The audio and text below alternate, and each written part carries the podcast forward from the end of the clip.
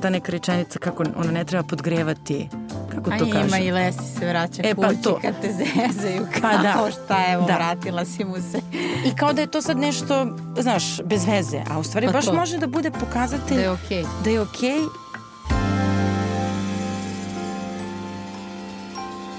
Dobrodošli u podcast Kako da izgradite dobar život u produkciji velikih priča. Ja sam Ana Mitić, novinarka i urednica u Velikim pričama i Nedeljniku.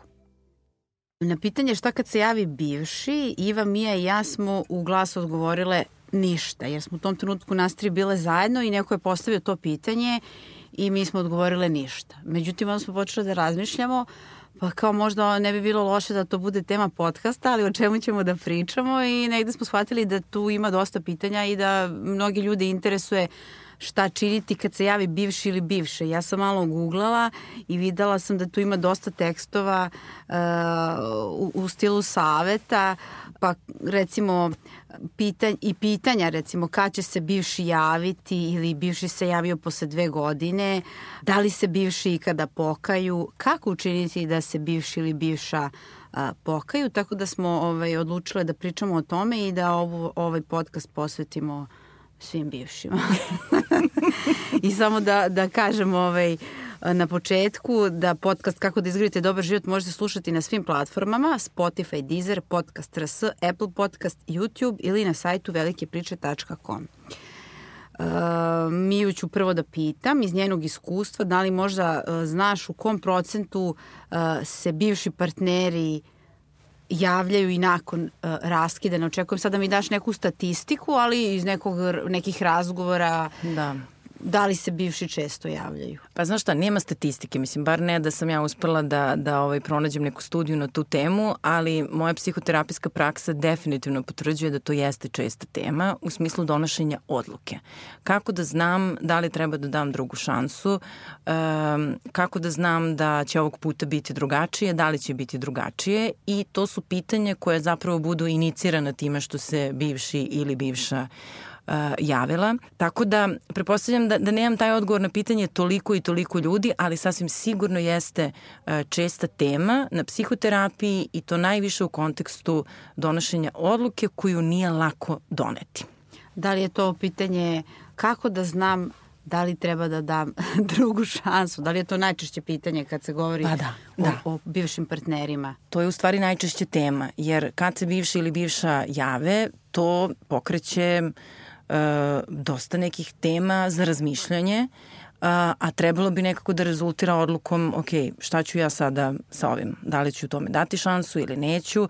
To naravno poziva nas i na retrospektivu kakav je taj odnos bio, jer mm -hmm. na temelju toga ćemo negdje doneti procenu da li tu zapravo e, treba dati šansu ili ne. Pa dobro, od čega zavisi da li treba dati šansu uh, ili ne? U stvari, ajde prvo kad se, uh, kad se javi taj bivši partner, kako bi trebalo da izgleda taj razgovor?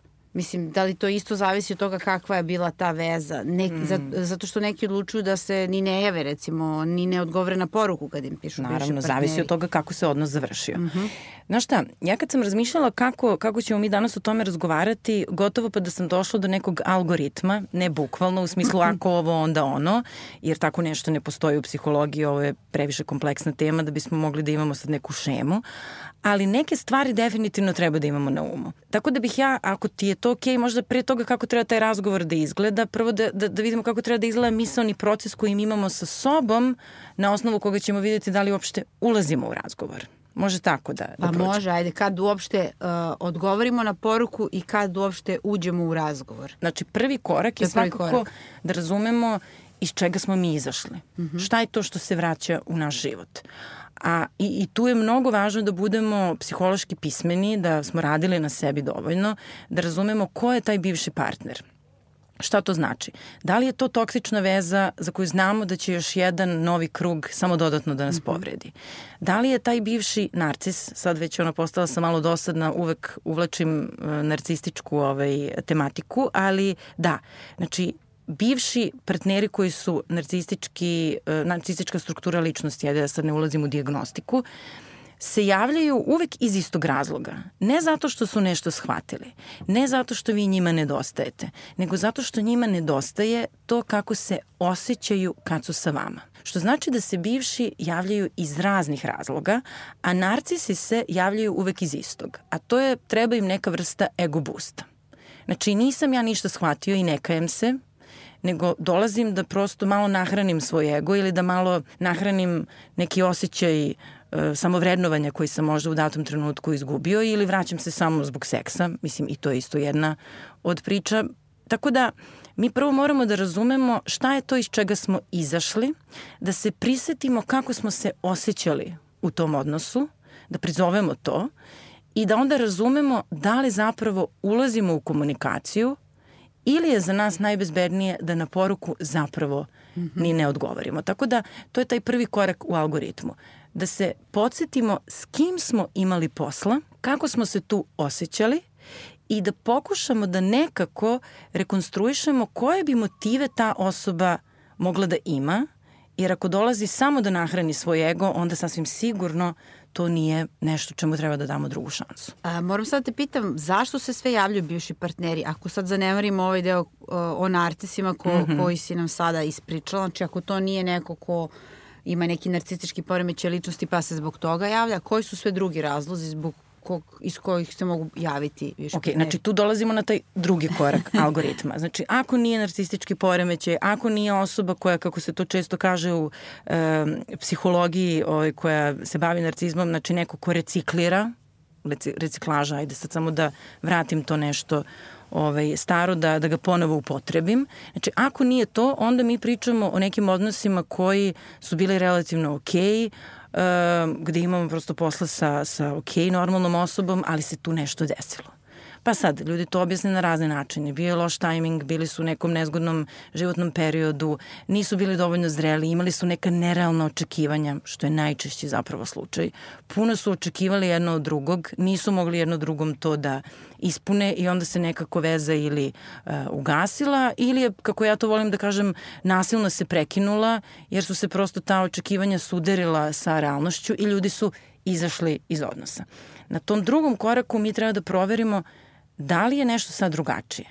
Da li ja sad ovakva drugačija kakva jesam ili drugačija kakav jesam, toj osobi mogu da dam šansu pod pretpostavkom da je i ona nešto naučila – o sebi u proteklom periodu. Ali onda moraš da ideš da se vidiš sa tom osobom. Onda moraš i, i tu zapravo dolazimo do tog sledećeg koraka, a to je da, da se opet podsjetimo naravno mm -hmm. kako nam je bilo u tom odnosu, šta su bile dobre stvari, kako smo se osjećali, šta bismo možda ovog puta uradili drugačije.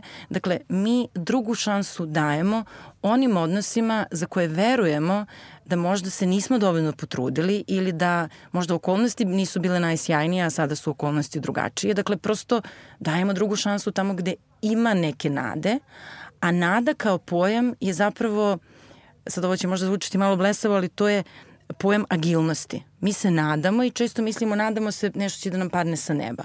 Ali u psihologiji način kako se nada uh, definiše, recimo Brené Brown je to de, predivno operacionalizovala, to je nada da ti možeš nešto da uradiš drugačije i da dobiješ drugačiji ishod. Dakle, nada je aktivna stvar. Tako da, tamo gde ima nade, mi dajemo drugu šansu, ali drugu šansu dajemo onda kada smo i sami spoznali da nešto mi moramo da uradimo drugačije. Mm -hmm. Ne da dođe druga osoba i sad kao sve će bude super samo ako je druga osoba drugačija. Ne, nego da li si ti drugačiji pa daješ drugu šansu. Mm -hmm. Ali uh, moram opet sada da te vratim na priču o narcizmu, kad si ti zaljubljen i dalje u tu osobu, uh, to dodatno komplikuje stvari, mislim, negde ne procenjuješ realno, pa ćeš možda pokleknuti i kako da ne pokleknemo uh, iako smo pritisnuti svim tim emocijama, recimo ako smo i dalje zaljubljeni u neku osobu, a prošlo od raskida neko vreme mm. i ta mhm. osoba se javi i negde mi znamo da to nije da ne bi trebalo, a Pa, znaš šta, to je dosta kompleksna tema i ja mislim da bismo mogli samo jedan podcast na tu temu, šta kad se bivši narcis javi, mi sad pričamo generalno, ali mm -hmm. to je ta, ta zapravo jedna toksična igranka u kojoj, ponavljam, narcisi na ljude gledaju ne kao na osobu celovitu, ja tebe takvu kakva ti jesi vidim, zbog tvojih prednosti, vidim i tvoje mane i ja hoću sa tobom. Narcisi vide ljude kao jednu vrstu upotrebne vrednosti. Znači, ljudi imaju funkciju. I onda kad se vraćaju, oni se vraćaju da bi upotrebili, zloupotrebili i manipulisali. I razlog, sad ako pričamo o osobi koja se vraća u tu mrežu narcisa, ako to tako mogu da nazovem, je zato što se nadamo da ćemo ovog puta mi uspeti nekako da pređemo tu igricu i da potvrdimo sobstvenu vrednost ako konačno taj narcis nas zavoli. I, I to je taj deo koji je, mislim, čak i na psihoterapiji, to je česta tema i ja o tome dosta govorim sa svojim klijentkinjama. Teško je to sebi kognitivno objasniti. Kad nas prosto vuče taj osjećaj, samo još jednom da probam, samo još jednom da se uverim da, da možda ako ja nešto uradim drugačije, ishod će biti drugačiji. Mm -hmm. A zašto neki umeju da se javljaju dugo, dugo posle raskida, uh, da ono što se kaže ne odustaju? Pa sad pazi, i tu isto ima različitih uh, Prepostavljam da ima različitih uh, razloga. Jedno, uporno vraćanje na staro, može da bude ovo što smo rekli, narcis, recikliram, svako malo se vraćam može da bude strah od toga da se pomerimo ka nečemu novom. Mm -hmm. To je to čuveno vraćanje na poznato, gde možda nije sve zadovoljavajuće, ali nekako bar sigurno. I u nekom slučaju, ja ne bih to isključila kao mogućnost, to vraćanje može da bude pokazatelj da tu stvarno ima nečega i da nismo se dovoljno potrudili. Mm -hmm, mm -hmm. Dobro, da li postoji razlika u tome ko je raskinuo vezu i koliko je ta veza trajala? Mm -hmm. Da li to može na, da utiče na, na vraćanje? Sasvim sigurno. Um, Znači, zavisi da li smo izašli iz odnosa povređeni, da li smo ostavljeni, ako se osjećamo da, da smo ostavljeni ili nam je to nekako eksplicitno rečeno, mm -hmm. mada i tu postoji razlika. Ja znam recimo kroz psihoterapiju kad razgovaram sa svojim klijentkinjama, one će reći da se osjećaju ostavljeno iako su do dogovora o raskidu došli zajedno. Tako da sad i to je isto vrlo onako, ovaj, kako bih rekla, subjektivna stvar. Ali ako prepostavimo da je, da je partner taj koji nas je ostavio, onda ćemo mnogo više da vagamo, da li treba tome dati šansu, mnogo ćemo više da ga procenjujemo, da li je on sada ili ona ozbiljna u tom vraćanju i davanju druge šanse? I da li ćemo uopšte biti nekako dovoljno hrabri da, da se upustimo u to sve. E, dužina veze e, takođe mislim da je, da je dosta bitna. I sad kad razmišljam, evo dok, dok me to pitaš, mislim da kratke veze da želimo da se vratimo na njih, da proverimo da li smo, da još jednom proverimo da li tu ipak postoji mogućnost da od toga postane nešto ozbiljno. A, i, a na duže veze se vraćamo zato što, i često to čujem na psihoterapiji, da smo dali šanse nekim drugim odnosima, da smo probali nešto, iskusili neke nove priče, a onda iz toga zapravo shvatili koliko možda prvobitno nismo vrednovali to što imamo. I to je često slučaj zašto se ljudi vraćaju, ja bih rekla legitiman slučaj. Mm -hmm. U smislu mhm. da prosto shvate kroz neka nova iskustva da to gde su bili je zapravo ono što je njima odgovarajuće. I ja često čujem od svojih klijentkinja da li sad to znači da sam se ja kao, znaš, ono, vratila na staro kao, ima ta neka rečenica kako ono ne treba podgrevati Kako to kaže? Ima i Lesi se vraća e, pa kući to. kad te zezaju kao pa da. šta evo da. vratila si mu se. I kao da je to sad nešto, znaš, bez veze, a u stvari pa baš to. može da bude pokazatelj da je okej. Okay. Da je okay, jer ti si stekao, stekla si nova iskustva i sad na osnovu toga zapravo možeš da uporediš i da shvatiš da u tom prvom odnosu iz koga si izašao nisi vrednovao sve što zapravo je dobro i da se zato vraćaš. Da, pa imamo ovaj čuveni par Ben Affleck i Jennifer Lopez da. koji su imali tu ogromnu pauzu i... Jeste, od 20 godina. Da, pa su se da. pomirili. E vidiš, ja mislim da su to ti primeri, vidiš, one mi nisu pali na pamet. To su ti primeri gde je ostala neka nedovršena priča. Kao da je ostao taj neki doživljaj mogućnosti koje nismo ovaj, potrošili i da jednostavno neke priče zaslužuju novu drugu šansu. I onda, ok, prvi korak procenili smo, znači ako nije narcis, ok, javimo se, drugi korak vidimo se i šta je dalje? U, koji je sledeći korak u tom algoritmu koji si uh, spomenula na početku? Ovako, znači čekaj samo da sebi to opet sve u glavi da, da napravim rekapitulaciju. Znači prvi korak je da li je narcis ili nije. Ako je narcis, podsjetimo se na sve ono toksično što nam je bilo mučno, stavimo to na papir, ne odgovorimo na poruku. Ako je neka relativno normalna osoba, mislim, ono, kad kažem relativno normalna, mislim blago neurotična kao što smo svi mi, onda se opet zapitamo šta je bilo dobro u tom odnosu, šta smo naučili o sebi umeđu vremenu, e, za čim žalimo, šta je to što nismo iskusili ili prošli sa tom osobom, a mislimo da bismo mogli. Povežemo se sa tim, odemo da se vidimo sa osobom. Znači, prvo proverimo šta smo mi naučili o sebi u tom periodu pauze. Mm -hmm. A onda moramo da proverimo i šta je ta druga osoba naučila. Jer ono, kao što sam rekla na početku, o što se parovi, bilo da, su, da se vraćaju ponovo u odnos ili su ono, u odnosu, o što se često sapletu, to su ta nerealna očekivanja. Dakle, mi moramo proverimo sa sobom šta smo mi naučili u tom periodu, a onda da proverimo šta je partner naučio i da li se tu negde prikralo očekivanje da je samo druga strana trebala da se promeni da bi ovog puta taj odnos uspeo. Znači moraju obe strane da se promene. Obe strane moraju da se mhm. promene mm -hmm. i da budu drugačiji. To je ono što kaže Esther Perel često brakovima, u brakovima, ljudima. Ona kaže, vaš jedan brak je umro, da li ste sada spremni za drugi? To znači da ste vi možda iste osobe, kao, mm -hmm. ali vi suštinski ste nove i drugačije osobe, jer ste nešto naučili o sebi i o odnosu, što znači da vi zapravo započinjete drugi odnos. To više nije onaj prvi. Ali da biste započeli taj drugi, svako mora da preuzme odgovornost, da razume šta nije štimalo prošli put, da po tom pitanju nešto promeni, prvo kod sebe, pa tek onda da se pita da li se druga osoba promenila, a ne obrnuto. Daću ti šansu ako, se promeniš. ako si se promenio. Mm -hmm. To prosto nije fair. Da, ali šta kad smo u situacijama kad nam se javi taj neko ko nas je mnogo povredio nečim, a nije narcis, ajde, postoje mm -hmm. i druge uh, vrste ličnosti i problema u vezama i onda nam šalje sentimentalne poruke, izvinjenja, ono, da žali, ono, nedostaješ mi i tako dalje. Mislim da je tu ključno proceniti kakav je nečiji kapacitet da se kaje, a kajanje nisu reči, nego postupci. Mm -hmm. I tu je zapravo ključno proceniti da li se ta osoba istinski kaje ili su to samo neke slatkorečivosti kojima prosto ovaj, pokušava nekako da zakrpi tu štetu, šta god da je šteta i da se sve nastavi kao da se ništa nije desilo. Znači, to je zapravo kapacitet da vidimo koliko se neko kaje, ali i kapacitet da oprostimo. Da, ovo zapravo jeste priča o pomirenju i, i, i oproštaju uh, ponekad. Uh, međutim, nije uvek moguće dati tu neku drugu šansu. Uh, kada je moguće dati drugu šansu?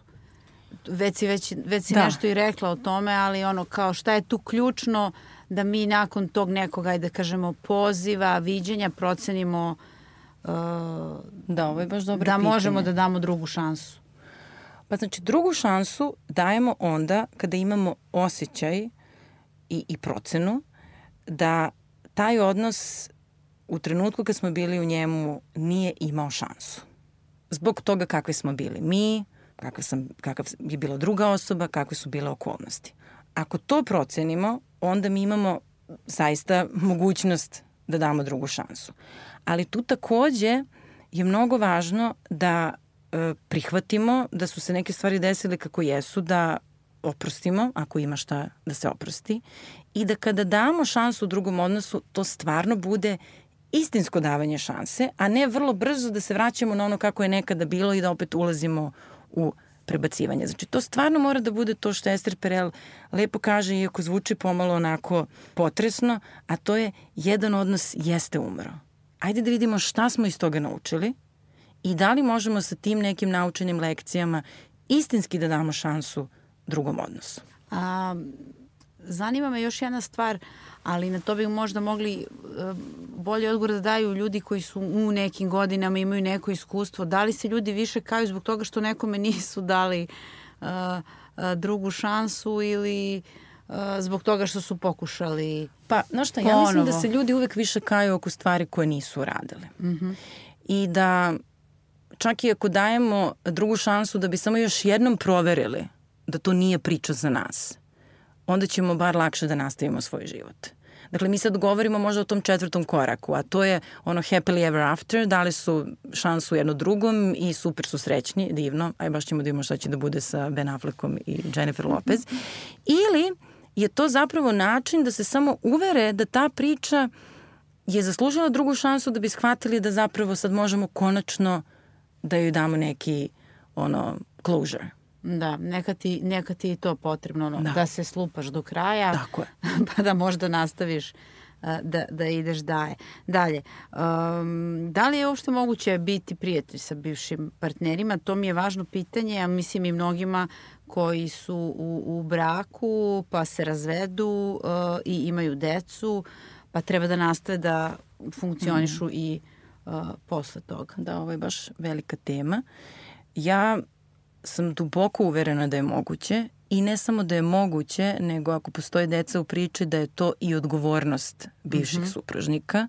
Tu postoji naravno mnogo faktora koji na to utiču. Eto još jedne teme prepostavljam za ceo jedan da. podcast. Da. A to je opet e, kako su se e, rastali i sa čim su izašli iz odnosa, koliko su nastavili svoje živote. To je takođe važno. Mnogo je lakše E, biti prijatelj sa bivšim supružnikom sa kojim delite i roditeljske obaveze kada je svako nastavio svoj život i kada ostaje to nešto što vas deli, što, je, što dijelite zajedno i što vas povezuje i lepo je.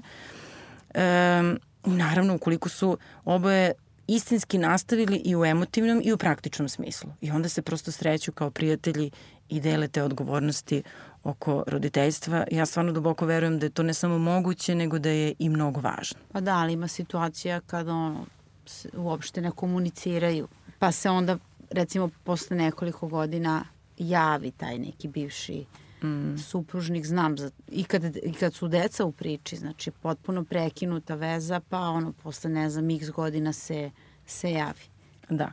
I to su jako bolne priče, mm. za decu vrlo uh, uzbunjujuće, jer prosto uh, otvaraju silna pitanja zašto je taj neko otišao, zašto ga nema, zašto se nije javio, kako se sad odjednom javio. Tako da, e, mislim, evo, stvarno to nominujem kao jednu od tema, ali e, vrlo delikatna, vrlo osetljiva tema i opet se negde, e, opet nas negde postiče na to da se zapitamo e, koliko prispitujemo sebe, koliko dobro razumemo sebe, na koji način stvarno izlazimo iz odnosa. Jer izaći iz jednog odnosa ne znači ne sačuvati neku drugu formu odnosa. To je opet to što Ester Perel kaže. Mm -hmm. Umro je jedan brak, ali ostalo je roditeljstvo. Zašto bi taj odnos morao nužno da, da umre? Hvala ti puno. Hvala tebi.